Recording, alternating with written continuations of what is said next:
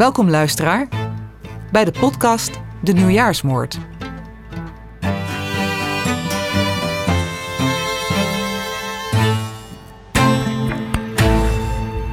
Vandaag de eerste aflevering. Wat weten we eigenlijk?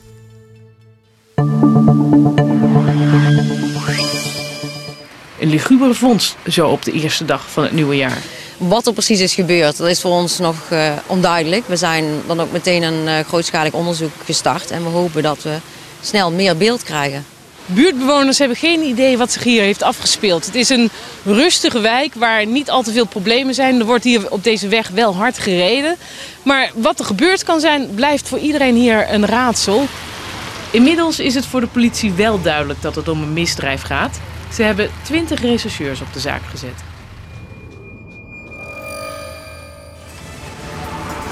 Ja, dan een nieuwe zaak. Dit is de 48-jarige Marja Nijholt uit Enschede. Op 1 januari werd haar lichaam gevonden in Os. Wanneer de politie haar dood onderzoekt, stuit ze op een ongelooflijk triest verhaal. Kleine tip die de dood van Marja Nijholt oplost is 15.000 euro waard. Al uw informatie is belangrijk, dus bel met de politie. Op nieuwjaarsdag 2013 wordt naast een tandartspraktijk aan de Bergemsweg in Os een lichaam gevonden. Het gaat om een vrouw van 48. Marja Nijholt uit de Enschede. Ze heeft verwondingen die zijn toegebracht met een scherp voorwerp. Het politieonderzoek loopt vrij snel vast. Het dossier Marja Nijholt belandt na anderhalf jaar op een stapel met zeker 1700 onopgeloste zaken, zogeheten cold cases.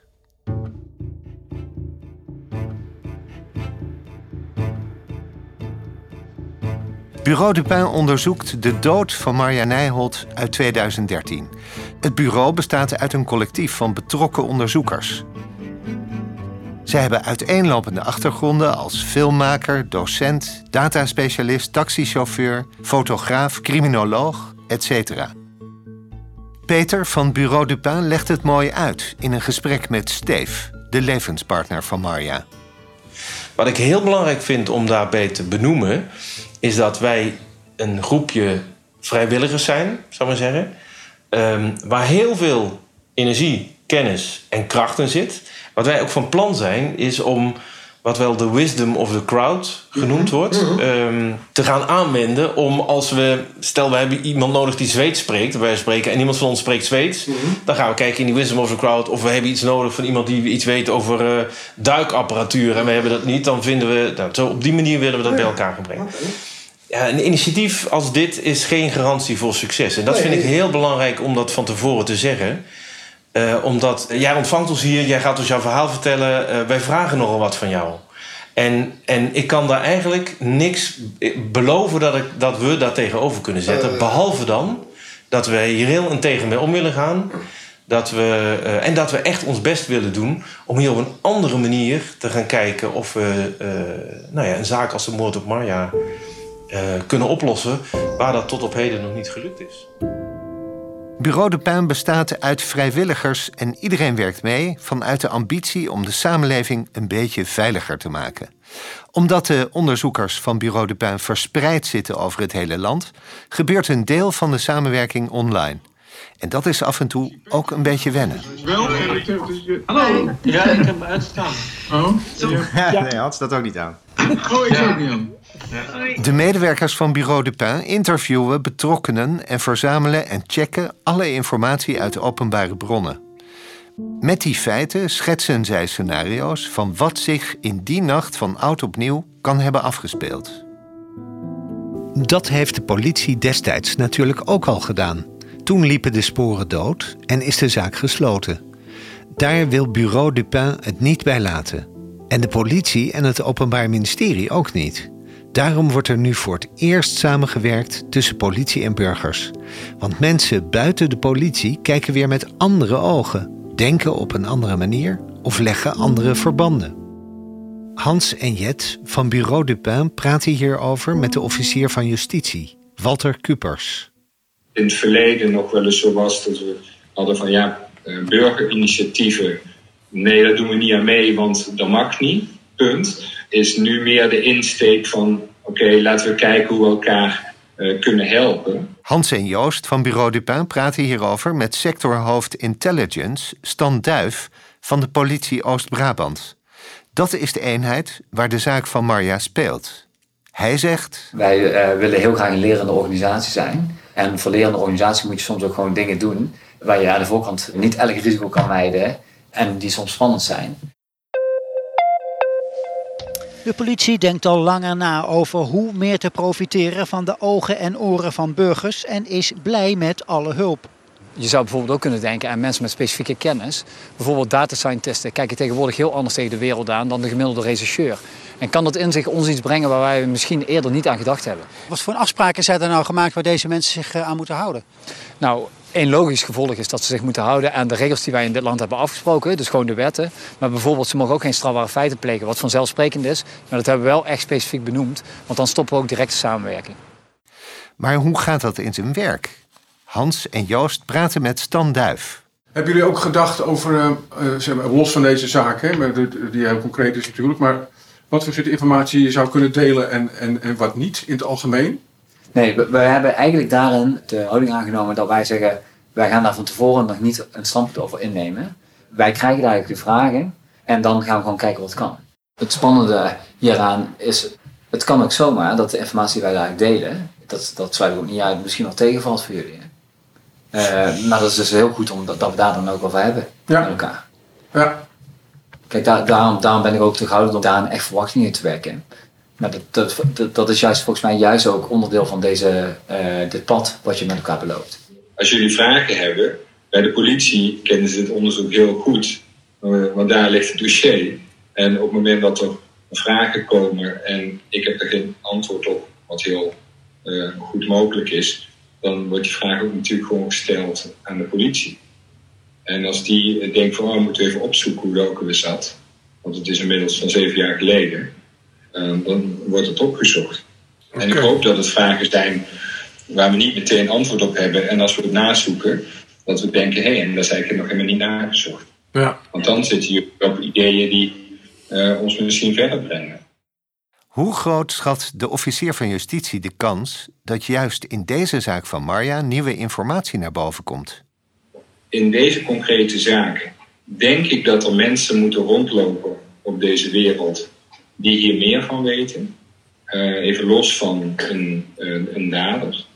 Uh, zijn er meer mensen die hiervan zouden moeten weten? Dat is meer gevoel dan dat ik het goed uh, kan onderbouwen wij willen ook informatie die we kunnen en mogen delen, willen we ook delen. En we hopen ook dat jullie tot nieuwe inzichten komen waar we gezamenlijk wel iets aan hebben om uiteindelijk het mysterie op te lossen rond de dood van Maya. En dat zou voor iedereen prachtig zijn als dat zou lukken. Is de dader een van, in, in je fantasie een van het, van het publiek? Nou, daar houden we wel rekening mee natuurlijk. Dat een, een dader, uh, die zal ongetwijfeld jullie podcast gaan, gaan beluisteren. De politie wil dus meer dan vroeger samenwerken met mensen buiten de politie. Maar wat is nu eigenlijk bekend over de laatste momenten in het leven van Marja Nijholt? Een paar dagen voor haar dood besluit Marja om een reden die alleen zij weet naar het net over de grens met Duitsland gelegen Gronau te gaan. Dat weten we alleen uit een reconstructie in het programma Opsporing Verzocht. Voor veel mensen in haar omgeving Zegt dat hele Gronau niets?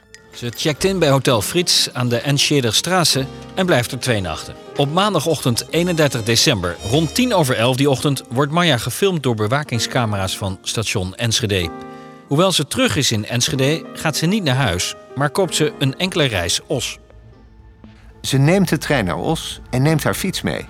En één of twee koffers. Niemand weet waarom zij naar Os gaat. De een zegt dat zij op weg was naar haar vader in een verzorgingstehuis, overigens niet in Os. Waarschijnlijk komt Marja Nijholt op Oudjaarsdag zo rond twee uur s middags aan hier op het Centraal Station in Os. Ze zal dan nog geen twintig uur meer leven. En die laatste uren lijken één lange, wanhopige zoektocht te zijn. Marja komt in Os aan in verwarde staat. Ze vraagt mensen of zij een kennis in Os mag bellen.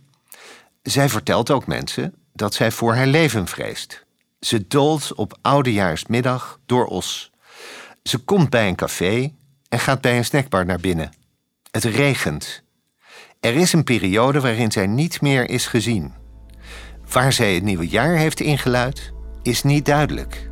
Het is tussen die avond om 9 uur en s ochtends vroeg 3 uur. Dan weten we niet waar Maria is geweest. Is ze in een café geweest? Is ze bij iemand in huis geweest? Is ze in een kerk geweest? Of heeft ze gewoon voor zichzelf een schuilplaats gevonden... omdat het natuurlijk toen ook heel slecht weer was. Het is echt heel belangrijk dat mensen... In de vroege ochtend van nieuwjaarsdag 2013 wordt zij weer gefilmd door beveiligingscamera's en mensen zien haar lopen. Haar koffer wordt gezien vlak voordat haar lichaam wordt gevonden.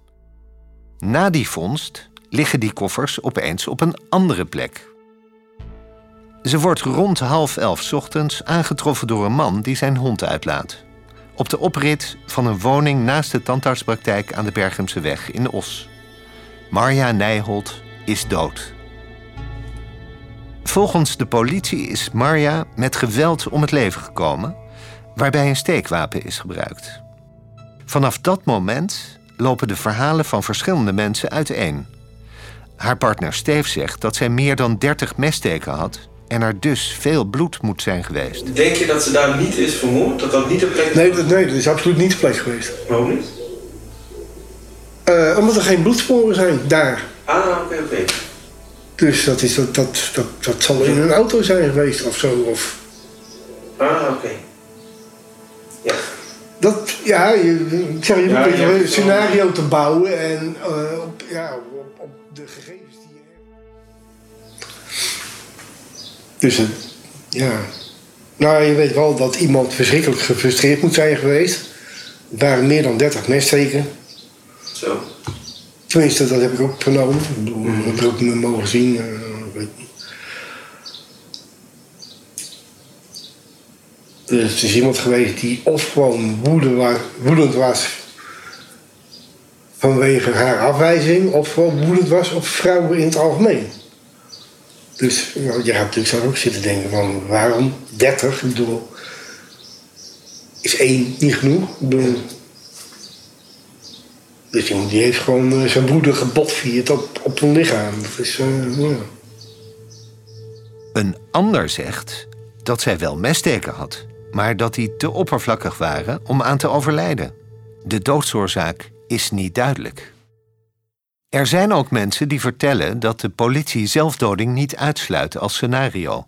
Haar stiefmoeder Gemma vertelt ons dit. Het is helemaal niet zeker dat het moord is geweest. Het kan ook zelfmoord geweest zijn. En toen zeiden ze van ja, ze heeft zo weinig steekwonden en zo uh, oppervlakkig dat het hem dat niet kan zijn geweest. Dat is niet de doodsoorzaak. En toen zei ik, nou is het dan onderkoeling geweest? Ja, mevrouw, wat er precies is geweest, ja. ja. En toen begonnen ze over een ander onderwerp. Er waren ook blauwe plekken in haar hals, die onderdeel van een scenario kunnen zijn. Verschillende mensen hebben Marja na haar dood gezien. Haar biologische moeder Christel, haar stiefmoeder Gemma en haar zus. Christel spreekt over de plekken waar zij gepakt is in haar hals. Ja, dat, uh, nou, bij de keel kon je zien en bij, op, bij de wangen, dat was ook blauw. Ja, dat kon je goed zien. En Gemma, haar stiefmoeder, heeft haar twee keer gezien. Eén keer bij de identificatie, toen zag ze er mooi uit. En twee dagen later, na de autopsie.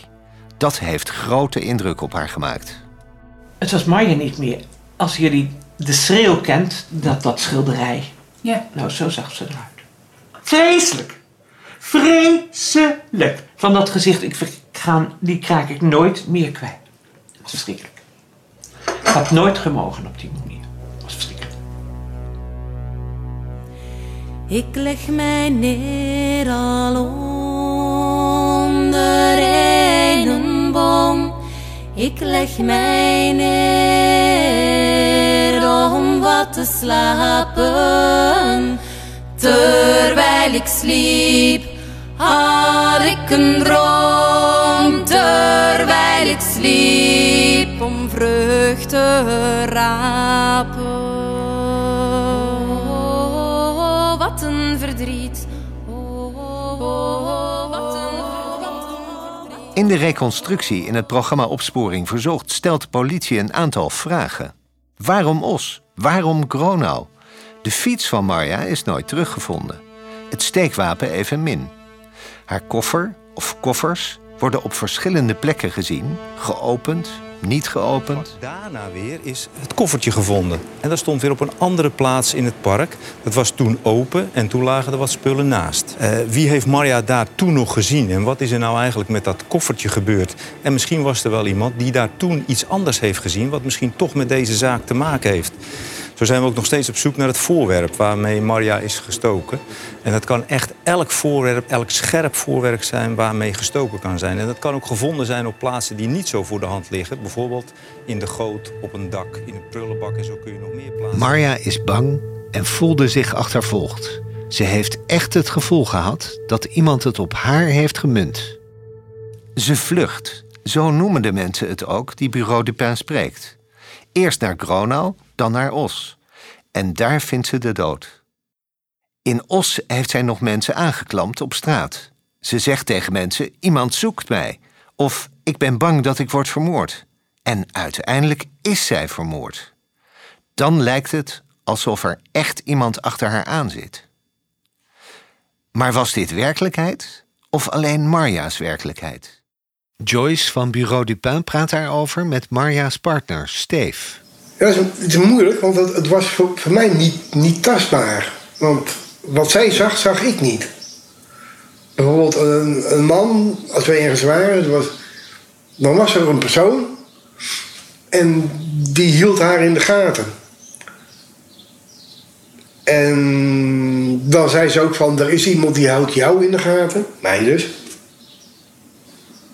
Terwijl ik, ik nergens daar een, een, een aanknopingspunt kon vinden. Nergens een, een bewijs van, van dat dat zo was. Maar dat ging nog gelijk op allerlei gebieden, via de computer, via... En als het dan over personen ging, waren dat dan wel personen die aanwezig waren die ze aanwees en dat toebedeelden? Of dacht je ook echt, ik zie helemaal niemand staan?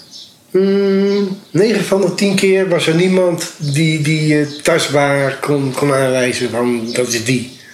Een heel enkele keer zei ze van ja, die, die moet je in de gaten. Die, die zit, die let op. Maar dan nog, dan, tien minuten later zie je die persoon nergens meer terug. En ja. Het is niet zo de man in, uh, met de hoed en de regenjas uh, die. Hé, uh, hey, daar heb je hem weer. Nee, nee absoluut niet. Nee. Niet volgens iedereen dus. Maar Bureau de Pin heeft ook mensen gesproken die wel degelijk dachten dat er iemand achter haar aan zat. Een vriend van Marja uit Enschede zegt hierover. Het is een mens in nood. En, en echte nood. Ik bedoel, dus, dus dit, dit was niet geveinsd van haar. Uh, wat moet je dan? Dus zij heeft bij mensen geweest en, en gevraagd om hulp, omdat ze vermoord zou worden. Ja, ik snap niet waarom of die mensen dat niet uh, opgepakt hebben. Ze zien toch, je ziet toch dat, dat een mens in nood is. Een van de grote vraagtekens is waarom Gronau en waarom van Gronau naar Os? Ja. Dus ze is naar Os gegaan om met die man te spreken.